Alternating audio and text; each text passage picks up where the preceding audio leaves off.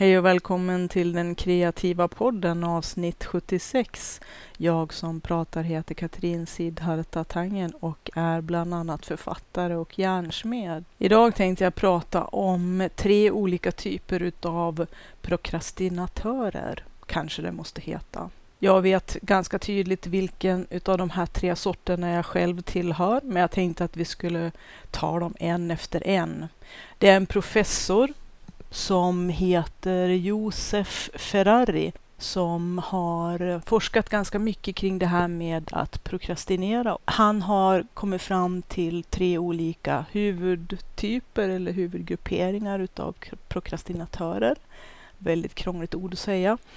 För oss som ibland har lite igångsättningsmotstånd och eh, ibland har olika issues med att eh, komma till skott helt enkelt. Och det här är ju ganska jobbigt många gånger.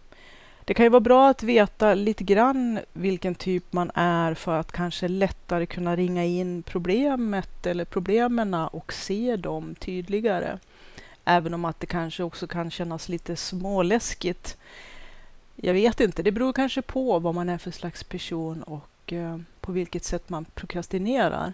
Det kan ju vara att eh, det här med att prokrastinera är väldigt stressande för många och eh, bygger mycket av de här skuldbergen som jag pratade om i en tidigare podd. Och det gör ju inte saken så himla mycket bättre och eh, murarna blir mycket högre och det är svårare kanske att komma till tals med både sig själv och vilka problem som kanske ligger bakom.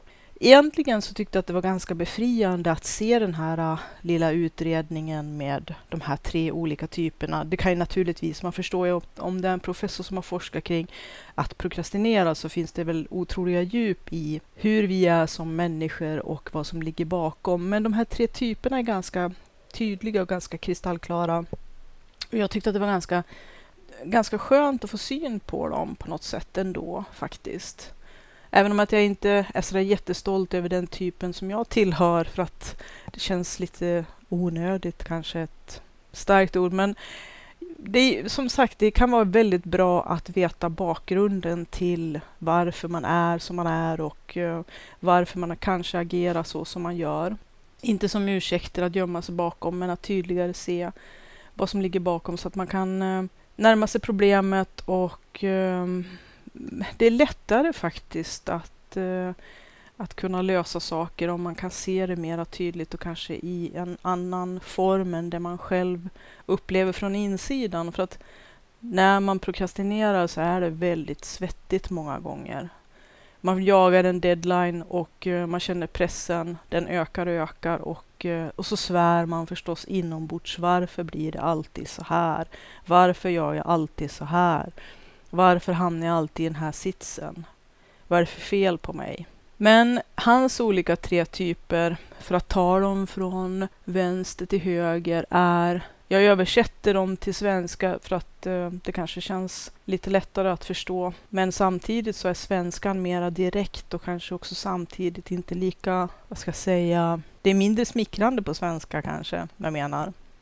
Först har vi då eh, thrill seeker Alltså den som söker adrenalinkickar. Och jag ska inte berätta vilken typ jag tillhör, men eh, det var en no-brainer för mig i alla fall. Och det här är typen utav personer när det gäller thrill seekers, det vill säga de som söker adrenalin, som vill ha adrenalinkickar. Ska vi kalla den personen för adrenalinjunkie? Jag tror vi stannar vid adrenalinjunkie. För att det är inte lika lätt att kanske glorifiera som ehm, en person som ehm, verkar äventyrlig. Men eh, adrenalinjunkie, det är ett bra ord. Sen har vi en typ som på engelska, eller som den här eh, Ferrari kallar för avoider. Och det är en person som eh, undviker eller har ett undvikande beteende. Som undviker att eh, gå i clinch med saker som måste göras. Den drivs mest av rädsla. Att det är en eh, som på engelska då blir fear procrastinator, det vill säga en person som prokrastinerar på grund av rädsla. Och det känns ju faktiskt eh, lite mera mänskligt på ett vis. Vi, jag menar, det finns ju mycket saker som man kan vara rädd för och som kan kännas väldigt uh, otäckt och jobbigt och som gör att det är svårt ibland att konfrontera, speciellt med saker som vi tycker är asjobbiga. Och det är en hel del i det här vuxenlivet som är asjobbiga. Det är jag den första att skriva under på. En person då som är en avoider, försöker undvika att konfronteras med saker som känns läskiga och är, bygger mycket rädsla. Och det är klart att om man alltid undviker allt som är obehagligt så förstår man ju att den som är avoider kommer att kunna få problem. Kanske inte bara när det gäller att få sina arbetsuppgifter gjorda och så, utan kanske på andra plan. Men det kan ju också samtidigt den som är adrenalinjanke kan ju också utsätta sig för en del saker som är klart ohälsosamma, kanske rent av självdestruktiva. Så att av de två så kanske det inte finns någon, någon som är bättre eller sämre. Eh, sen har vi den tredje typen som kallas för indecisive, det vill säga den som inte vill fatta några beslut decisional procrastinator som det heter på engelska. Det vill säga en person som undviker att fatta beslut om det som behöver göras. Och det härstammar ofta, eller ganska många gånger ifrån bland annat perfektionism. Att man är perfektionist och eh, svårt att fatta beslut för att när man fattar ett beslut och genomför, då är det risk att det man genomför inte blir perfekt. Och eh, jag har ju pratat om det här med perfektionism och eh, att det egentligen inte finns någonting som är perfekt. Hur vi än skulle sträva efter det perfekta så finns inte det. Så att om man är en pers person som är hårt driven från in eller utsidan att någonting ska vara perfekt varje gång, då blir det väldigt lätt att undvika att göra saker överhuvudtaget för att slippa bli dömd helt enkelt. Många gånger så handlar det ju om att vi dömer oss själva hårdast. Det kan ju också vara att vi blir dömd från utsidan eller att vi upplever att vi blir dömd från utsidan. Men min chef, eller en av mina chefer som jag hade en gång i tiden, han hade ett anslag på väggen på sitt kontor som, som sa att att inte fatta ett beslut är också ett beslut. Och jag tycker det är faktiskt ganska talande. Lite grann faktiskt så, ja det är klart, det är skillnad. Den här som är avoider eller undvikare, undvikande undviker ju också att fatta beslut. Men skillnaden mellan en avoider eller undvikande och en som är indecisive, det vill säga obeslutsam, det är ju att eh, avoidern eller den som är undvikande undviker på grund av rädsla medan att den som är indecisive gör det för att slippa dömas för att den har så hårda perfektionistiska krav från in eller utsidan. Men på sätt och vis så kanske det egentligen är lite mer detaljerat visserligen. En, en som är undvikare kan ju vara rädd för en massa saker. Den som är um, indecisive, det vill säga obeslutsam på grund av perfektionistisk uh, perfektionistiska skäl är ju, det, är ju rädd för bara en enda sak medan den som är avoider eller undvikande kan ju vara rädd som sagt för mycket saker. Men på sätt och vis kanske den som är indecisive, om, man, om jag nu så här lite spontant skulle fundera lite på egen hand. Jag tycker det är bra att uh, den här Ferrari har kommit fram till de här tre olika typerna för att det kanske ändå behövs den här tredje typen med den som är obeslutsam på grund av vilken bakgrund det nu än kan vara. I, till skillnad från den som undviker på grund av rädsla. Men att eh, samtidigt så är ju det här att vara obeslutsam på grund av rädsla för att bli dömd. Det är ju samma sak som att vara undvikande på grund av rädsla. Så att eh, egentligen skulle kanske obeslutsam prokrastinatör falla in under gruppen av undvikare, den som undviker på grund av rädsla. Men jag tror ändå som sagt att eftersom att det är så många som eh, jagas utav olika typer utav eh, perfektionism kan behöva se den här tredje typen tydligt så att eh, jag kan nog samtidigt förstå att Ferrari har tagit med alla de här tre. Det kan säkert finnas fler också, för det var en sak som jag tänkte på när jag, jag har forskat lite grann nu på egen hand här. Och eh, jag kan ju säga att den här eh, Ferrari verkar ju vara den som nästan alla forskningsgrejer och artiklar kommer ifrån. Inte att han alltid har skrivit dem, men att många som har skrivit olika typer av artiklar och blogginlägg och så vidare refererar till honom jag känner det som att det kanske är att han har gjort sig väldigt eh, synlig. Att det kanske är hans arbete som många vänder sig till eller, eller refererar till. Eller så kanske jag måste researcha lite djupare. Eller så kanske han är en sån auktoritet på området så att eh, de här eh, resultaten som man får när man söker, som ofta pekar då åt just den här Josef Ferrari, är relevanta. Det finns, eh, hittade jag också faktiskt en eh, paper, en eh, studie som eh, gjordes 2014 i Sverige också faktiskt. Men jag ska inte gå in på så här superdjupa grejer just i det här avsnittet utan jag tänkte mer prata om de här tre olika typerna utav prokrastinatörer och varför vi prokrastinerar. För att det är lite mer jordnära och mer konkret som kanske man kan ha nytta av i sitt kreativa, skapande liv, tänker jag. Om man kollar vilka olika saker som eh, leder fram till kanske insikt om vilken typ man är, så har det skapats en del olika. Jag vet inte om det är den här Ferrari som har skapat de här bilderna. Det är som ett litet sånt här eh, flödesschema som man kan svara på frågor och följa. Det är inte jättekomplext och så, men eh, kanske ändå kan reda ut de, eh, de hugga ut de, de grövre detaljerna i alla fall i varför man prokrastinerar. Och överst så, så är det en fråga där det står Blir du lätt stressad? Och då finns det ju tre svar där. Eh, never, sometimes, always. Eller på svenska aldrig, ibland, jämt. Och eh, jag tror att eh, den som aldrig blir stressad kanske aldrig finns heller egentligen. Men okej, okay, vi, kan väl, eh, vi kan väl tänka att det finns en del som väldigt sällan blir stressad. Och så finns det en mycket större grupp antagligen som blir stressad då och då. Och så sen också tror jag en ganska stor grupp som, som ofta blir stressad eller som alltid är stressad.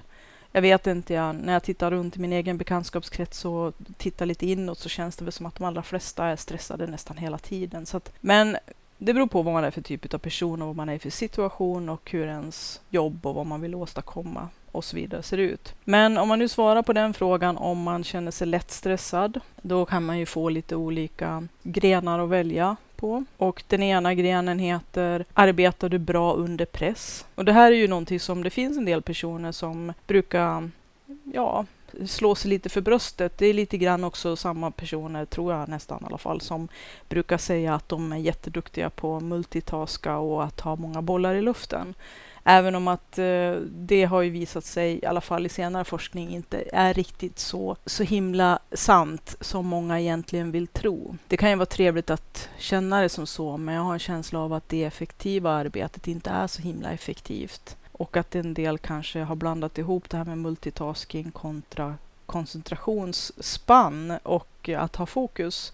Eller kanske brist på fokus som jag har pratat om i en del, i en del poddar. Jag är väl en sån person som, jag vill inte säga att jag jobbar bättre under press. Jag jobbar ganska bra under press. Jag har haft ganska mycket stressiga jobb så att jag är väl ganska stresstålig eller i alla fall har varit det. Däremot så känner jag väl att eh, eftersom att jag, jag ska inte avslöja nu riktigt vilken typ jag hör till, men att Eftersom att eh, det ibland behövs det här uh, sista minuten-stressen för att jag ska få tillräckligt mycket adrenalin att uh, verkligen sätta igång med någonting. Nu har jag lite grann avslöjat mig. Så att jag vet inte, det kanske är också lätt att blanda ihop det här med att arbeta bra under stress och att man behöver en stor fet fot i baken för att komma igång, det vill säga att man behöver ha sista minuten-stressen för att ens komma loss och komma ur startblockarna. Jag försöker jobba bort det i alla fall hos mig själv så mycket jag kan. Och då har jag några knep faktiskt. Men jag ska inte prata om det just nu för då förstör jag lite grann flödet i det här flödesschemat. I alla fall, om man nu inte svarar att man arbetar bra under press, vilket jag tror att det är ganska många som inte gör och inte känner, så finns svaret, skulle du hellre skarva lite i kurvorna eller skulle du hellre se till att arbetet blir nu ska jag inte liksom, det här blir lite ledande om att du hellre skulle skarva i kurven eller att du hellre skulle vilja att arbetet blir perfekt. Då hör man ju lite grann vart det lutar åt för håll. Men jag skulle hellre vilja formulera det som att uh, skulle du hellre skarva kurvorna, skarva i kurvorna, det vill säga fuska lite, cut corners som det heter på engelska, eller skulle du hellre vilja göra ett bra arbete? Och jag tror att väldigt många utan att vara perfektionistiska, och jag hör ju faktiskt till en av dem, vill göra ett bra jobb att det är en ganska så hög, eh, ett högt krav eller en, en grej som jag sätter högt i alla fall. Att okej, okay, jag, jag har skippat det här med perfekt. Jag har förstått så pass mycket, men jag vill göra ett bra jobb i alla fall. Och då när man tittar på det här eh, att eh, de här två valen som vi står nu inför att arbetar du bra under press? Ja eller nej? Skulle du hellre gina lite i kurvorna eller vill du göra ett bra jobb? Då finns det tre olika svar där. Antingen nej eller att man vill eller kan tänka sig att, eh, att eh, gina lite i kurvorna eller den som vill göra det perfekt som det står i hans flödesschema. Men låt oss stanna vid göra ett bra jobb eller göra ett jättebra jobb kanske. Uh, sen kommer då nästa nivå här uh, som bara handlar om den första delen, de som är adrenalinjankis, alltså får frågan Känner du dig avslappnad kring dina deadlines? Här blir jag också lite, lite kluven. Jag tror att många av dem som är som jag som behöver ha ibland lite adrenalin utav sista minuten och att nu fan, ursäkta min dåliga svenska, måste det bli klart. Kanske inte alltid känner sig så himla avslappnade kring deadlines. Jag hör i alla fall definitivt inte till den typen av person som tar lätt på deadlines. Men jag kanske inte heller är sådär superlätt att stressa. Och det kanske hänger ihop med att man är adrenalinjanke, att man inte är jättelätt att stressa, så därför kanske man inte är lika kanske inte tar lika illa vid sig vid att deadlines börjar kännas lite kryp på en och börjar kännas kanske lite lätt hotfulla. Vi kanske är lite mera resistenta där, möjligen, jag vet inte. Sen när man går lite längre ner så kommer frågan, är du självsäker inför din förmåga att kunna producera ett eh, kvalitetsarbete? Och här är det ju faktiskt, det här är ju en riktig knäckfråga eller riktig kärnfråga här. Och då finns det ja, väldigt, eller nej, eller osäker. Så att eh, är du, har du självförtroende eller känner du dig självsäker inför din förmåga att kunna göra ett bra arbete? Om man nu ska kanske uttrycka det lite mindre skarpt. Och då kanske en som är eh, rätt så avslappnad kring sina deadlines som är lite adrenalinjanki kanske och som eh, inte känner sig som så pressande, kanske känner att de har koll, de har kontroll. Det här är lite grann också hänger ihop med de här som tycker att de har bra multitaskingförmåga. Att eh, man kanske är lite självsäker, kanske till och med lite för självsäker. Man är ganska övertygad om sin förmåga att det här kommer att reda sig. Och då hamnar man på very och yes och då börjar närma sig det här hörnet utav att vara en eh, adrenalinjunkie. Och det som också hänger ihop med adrenalinjunkies och som kanske också hänger ihop med både självkänslan och självförtroendet att faktiskt kunna genomföra trots att det är pressat och man har en stressig deadline som man kanske också är ganska ja, hyggligt avslappnad kring så är det att man kanske inte är lika bekymrad över vad andra tänker. Att man inte bryr sig så mycket om vad grannen tycker och så, och så vidare. Det är den ena vänstra delen här eh, som hör till adrenalinjankis. De tycker om utmaningar och vill ha en fight.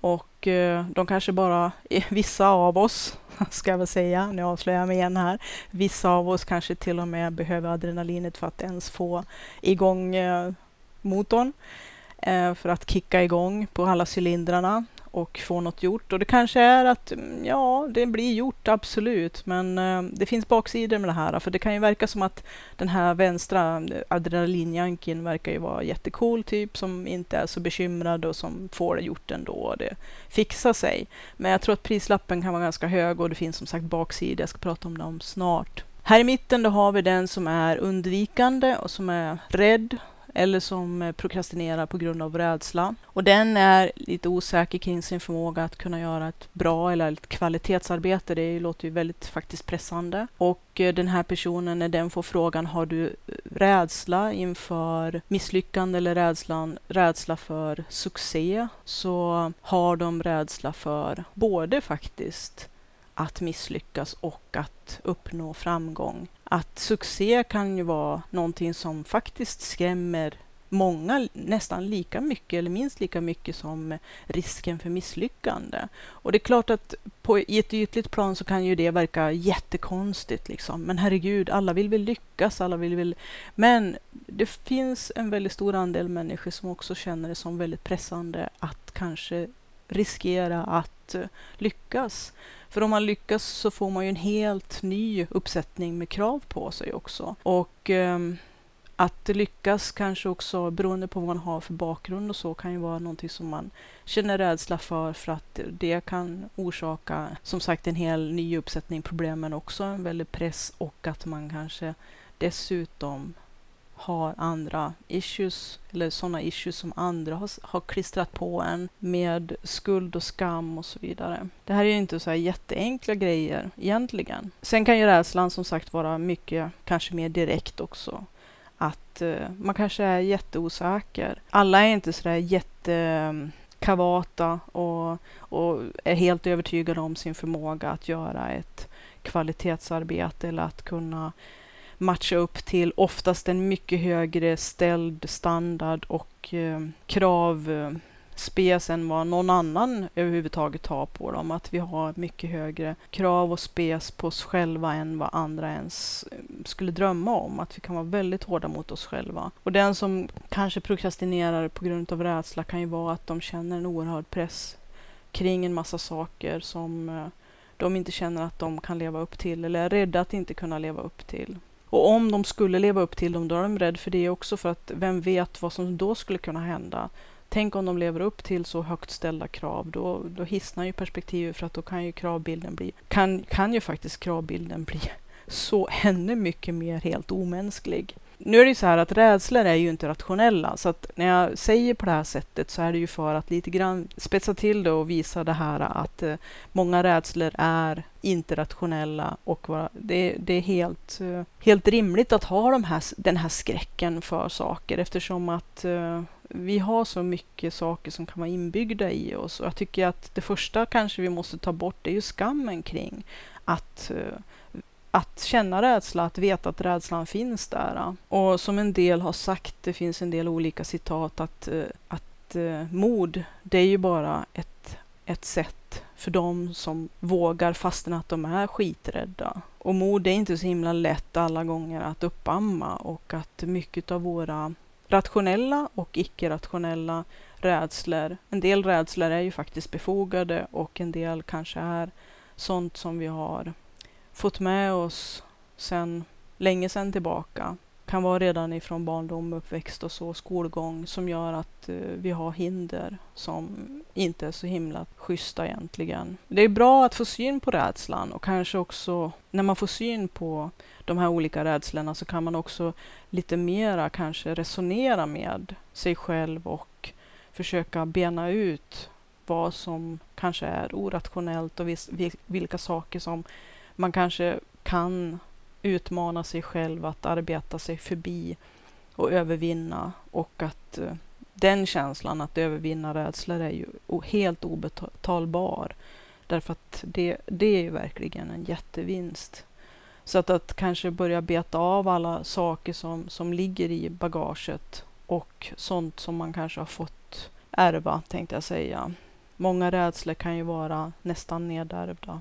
Och då menar jag inte de som vi är medfödda som kanske beror på evolution, att det kan vara vettigt att vara rädd för giftiga djur och eh, rovdjur och att undvika eh, farliga situationer och sånt där, utan jag menar en helt annan uppsättning. I alla fall, där har vi den som kanske prokrastinerar av rädsla, också rädd för att bli dömd och rädd för att bli skammad. Och det är ju faktiskt jättesorgligt. Men också ännu bättre att få syn på de här sakerna som vi kanske inte vet om, som motarbetar oss. Nu har vi bara en kvar, förutom då adrenalinjunkin och undvikaren. Då har vi den här som är obeslutsam. Den veliga typen kan ju på något vis också samtidigt stå i ganska stark kontrast mot en person som är perfektionist också på ett vis så kanske vi inte riktigt, i alla fall inte jag, ser perfektionister som de här veliga och obeslutsamma som står och trular och liksom står på en fot och inte riktigt vet vart de ska ta vägen. Perfektionister kan ju vara väldigt skarpa och så, men jag tror också att det här är lite grann det kanske är ett annat avsnitt i podden, så vi får ta det då. Den som är perfektionist kan absolut inte tänka sig att gina i några kurvor och eh, den vill inte bara göra ett bra jobb utan jobbet ska vara perfekt. Det får inte finnas minsta lilla fläck som inte är perfekt. Det rimmar till och med. Och det gör ju att det är ganska så lätt att förstå att den personen blir stående på ett ben. För att om man har den pressen på sig, då är det väldigt svårt att ta sig för att genomföra någonting. För att när man har genomfört någonting, ja, när det är klart, då är det ju väldigt lätt att bli både dömd av sig själv och utav andra. Men att då finns det ju någonting som är färdigt och som finns som substantiellt faktiskt då kan bli betygsatt eller inte ha levt upp till den här perfektionistens eh, egen kravbild. Och det finns ju ett citat som också är ganska väl använt och det är hellre att någonting blir gjort än att det blir perfekt. Men det funkar inte på den som är perfektionist. Den kan inte alls förstå att eh, man skulle kunna faktiskt hitta något mellanläge där man säger att good enough, tillräckligt bra, är faktiskt tillräckligt bra. Så att eh, har man det här att brottas med och jag kan väl lite grann känna att jag ibland hamnar, eller i alla fall tidigare mycket mera hamnade i det här facket att saker och ting måste bli så, ursäkta min rena svenska, så jävla bra att eh, det blir ett enormt hinder att komma över för att överhuvudtaget göra någonting. Så att eh, som man säger att eh, det är bättre att få någonting gjort överhuvudtaget än att tro att någonting ska bli perfekt. Men det här leder ju som sagt då till eh, rädsla för att fatta beslut. För att så fort man fattar ett beslut, då gör man ju sig själv till måltavla för att ha fattat ett felaktigt beslut, att inte ha genomfört det på det perfekta sättet och att eh, dessvärre så finns det ingenting som är perfekt hur mycket man än skulle ägna sig åt att försöka få det helt perfekt. Och har man med andra människor att göra så då kommer det lite ytterligare problem med bilden och som jag har lärt mig den hårda vägen. Att om man gör A, då finns det vissa som inte är nöjd. Och gör man B så är det samma, oftast vissa personer som inte heller är nöjd. Gör man både A och B, då är de inte heller nöjd. Så att man kan liksom inte riktigt tillfredsställa alla. Så att eh, den som lider av perfektionism eller är väldigt eh, beroende av vad andra tycker kan det bli väldigt svårt att ens våga fatta några beslut. Att det blir väldigt lätt att man blir den här obeslutsamma. En del av de som är obeslutsamma och veliga som sagt, som, som är perfektionister, kanske inte vi uppfattar som så. För jag kan också känna att en del är ganska duktiga på att eh, sätta upp fasader. Det gör vi allihopa. Och eh, att eh, vi hittar våra små...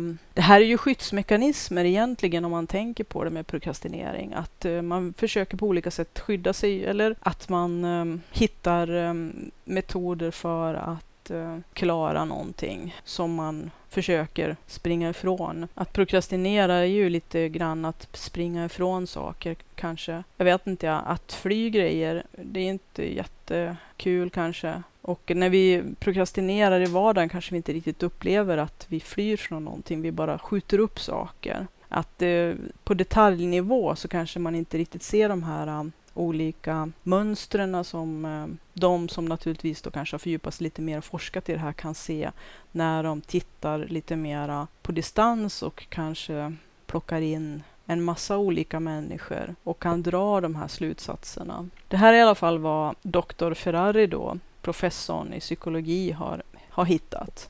Och det finns säkert en massa mera typer utav prokrastinörer kanske om man forskar. I alla fall så kan man väl konstatera att när man har sett det lite mer så här äh, ett tydligt mönster och de här tre olika typerna då kanske man kan se, jag kan i alla fall se att jag är en blandning utav åtminstone två typer här. Att det kanske inte är kristallklart att man absolut måste bara vara den ena sorten. Man kan ju vara en mix utav två eller tre sorter eller alla sorter. Och att eh, alla har de sina egna små problem som man kanske måste jobba lite mera med. Jag som är adrenalinjunkie och um, måste ha den här äh, ibland då sista minuten äh, pressen för att komma igång med saker. Jag kan ju hitta olika metoder att äh, ändå skapa den typen av situation genom att dela upp saker i mindre delmål med deadlines. Och att det som jag har märkt med mig själv att jag jobbar väldigt bra då när jag har en begränsad tid, kanske med lite tidspress att sätta till exempel en klocka och skriva mot klockan och se, tävla lite grann. Jag är ju ingen tävlingsmänniska, absolut inte. Mer än på ett enda sätt och det är att jag tycker om att tävla mot mig själv. Så att se hur många ord kan jag skriva på så och så lång tid. Att om jag sätter då en, en timer till exempel och så sen så skriver jag för brinnande livet på en roman eller vilken text jag nu jobbar med och ser hur många ord för en del i det här för mig i alla fall har varit också att kunna mäta och eh, tävla med mig själv. Dels då det här med att sätta en klocka och att ha delmål med deadlines. Men också att mäta saker genom att hela tiden se framsteg i mina mätningar. Då känner jag att jag får en kick, den här kicken som jag behöver, som också faktiskt eldar på mig att vilja göra mera saker och att också göra mera saker organiserat, vilket jag tror för den som är adrenalinjank eller thrillseeker som absolut inte tycker om att allting är som vanligt eller följer några mönster eller rutiner eller blir för enahanda eller för monotont eller för förutsägbart. Det här förutsägbara är rena döden för i alla fall den typ av kreativa människa som jag är, men som också har sina baksidor med att vara en sån person. Att eh, genom att kunna tävla med och mot mig själv och eh, att kunna mäta mina framsteg och att sätta en deadline och en tid och tävla mot mig själv, då funkar jag ganska bra och får den här kicken som sagt. För den som är undvikare så är det ju kanske viktigt att försöka bena ut det här med sina rädslor, vilka rädslor man har, att försöka konfrontera dem successivt, att försöka mer och mer jobba med att inte vara rädd för att bli bedömd eller att bli skammad, att försöka hitta metoder och eh, sätt att bemöta det inombords först och främst förstås, för att det mesta utav våran skräck, det är sånt som vi själva kan uppfinna med våran egen fantasi. Vi kreativa människor som jag pratat om i tidigare avsnitt av podden, vi är väldigt duktiga på att hitta på katastrofscenarier. Vi är jätteduktiga på att fantisera fram alla worst case scenarier så att vi kan väldigt lätt hitta allt som vi är rädd för och blåsa upp det till otroliga proportioner för att vi har en väldigt bra inlevelseförmåga som är bra när man är kreativ men väldigt obra när man ska försöka att coacha och vara sin egen mentor och ta hand om sig själv. Och det tycker jag är lite synd. Men att när man är medveten om det problemet så kan man jobba med det. Att sluta kanske är lätt att säga, men att försöka hitta vägar kring att vara rädd för misslyckanden och jag har pratat väldigt mycket om det här med att våga experimentera och våga misslyckas i podden. Lyssna gärna tillbaka på de avsnitten. Men också att inte vara rädd för misslyckande framför allt, men inte heller vara rädd för att lyckas. Att försöka bena ut att det värsta som kan hända, vad kan det vara egentligen? För många gånger när jag blir rädd för saker så brukar jag tänka, vad är det värsta som kan hända? Kan jag dö av det? Ofta brukar jag komma fram till att nej, det kan jag ju inte faktiskt. Det kanske kan vara lite småjobbigt eller kanske blir lite obekvämt, men jag kan inte dö av det. Och eh, man måste försöka möta den här rädslan och man får göra det successivt och man får också konfrontera lite olika rädslor successivt och bygga upp ett, eh, ett inre, en inre motståndsförmåga mot de här rädslorna. Den som är obeslutsam och kanske står på ett ben och oftast inte gör någonting alls därför att de känner att pressen att göra någonting perfekt är för stor så att de helt enkelt inte pallar och därför undviker och blir också undvikande. Måste också hitta vägar kring det här. Jag hade mina trick och det är en del av dem är faktiskt, jag har kanske pratat om det i några poddavsnitt, jag är lite osäker, men att eh, med flit och vilja faktiskt göra saker som är ett litet, litet fel som jag har gjort med flit. Och sen se hur mycket himmel kan rasa ner i huvudet på mig för att inte mitt mejl är perfekt stavat och redigerat och editerat hundra miljoner gånger och sönderanalyserat och genomtänkt, omskrivet, omskrivet och sen aldrig blir kanske klart i tid för att skickas. Eller till och med i mina smycken så brukar jag bygga in någon slags asynkron något som är asymmetriskt eftersom att jag inte alltid men en del gånger jobbar mycket med symmetriska designer. Att då faktiskt bygga in någonting som är, också blir en liten grej, att det blir den här lilla pikanta detaljen som avviker. Att det blir en del i min stil helt enkelt. Och himlen har inte rasat ner i huvudet på mig än. Jag har skickat många mejl och nu har jag också försökt att mer och mer försöka släppa den här. Äh, jag tror att perfektionister, de har en väldigt, väldigt starkt utpräglad och vältränad självpolicing ehm, och självkontroll och kontrollissue bakgrund många gånger att vi måste försöka lätta lite på, på våran ehm, fasad, att vi måste försöka skaka av oss att faktiskt kunna bjuda på oss själva och våga lite mer. Också våga göra fel och kunna rycka på axlarna och säga ja, shit happens. Jag tänkte i några avsnitt längre fram här prata om olika sätt att kunna komma kring sina prokrastineringstekniker, för de kan ju vara väldigt, väldigt finurliga och listiga och lömska och sätta upp oss för rena rama setups och Ehm, vara riktiga fällor som vi har gjort alldeles själva. Men vi får försöka hitta motmedel eller motfällor kanske som Ture Senton skulle ha sagt. Det blir i avsnitt längre fram. Det här avsnittet är nu slut. Hoppas du haft behållning av det.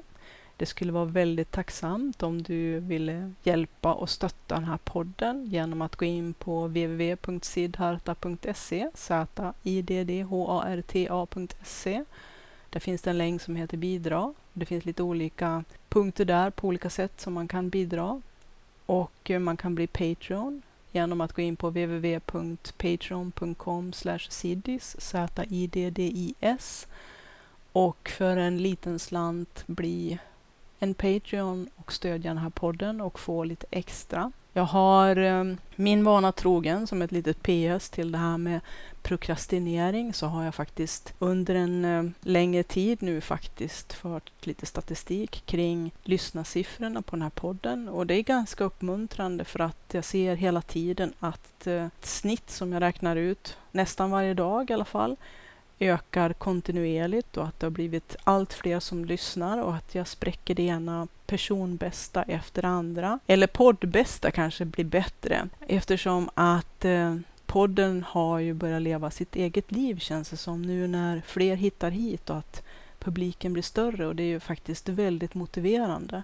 Men det är också kul att se hela tiden. Igen kommer vi tillbaka till det här eh, tricket att mäta och tävla lite mot sig själv för att sporra sig själv att göra mera utav det som man faktiskt vill göra. Det kreativa livet som ett äventyr. Ha det gott och vi hörs igen.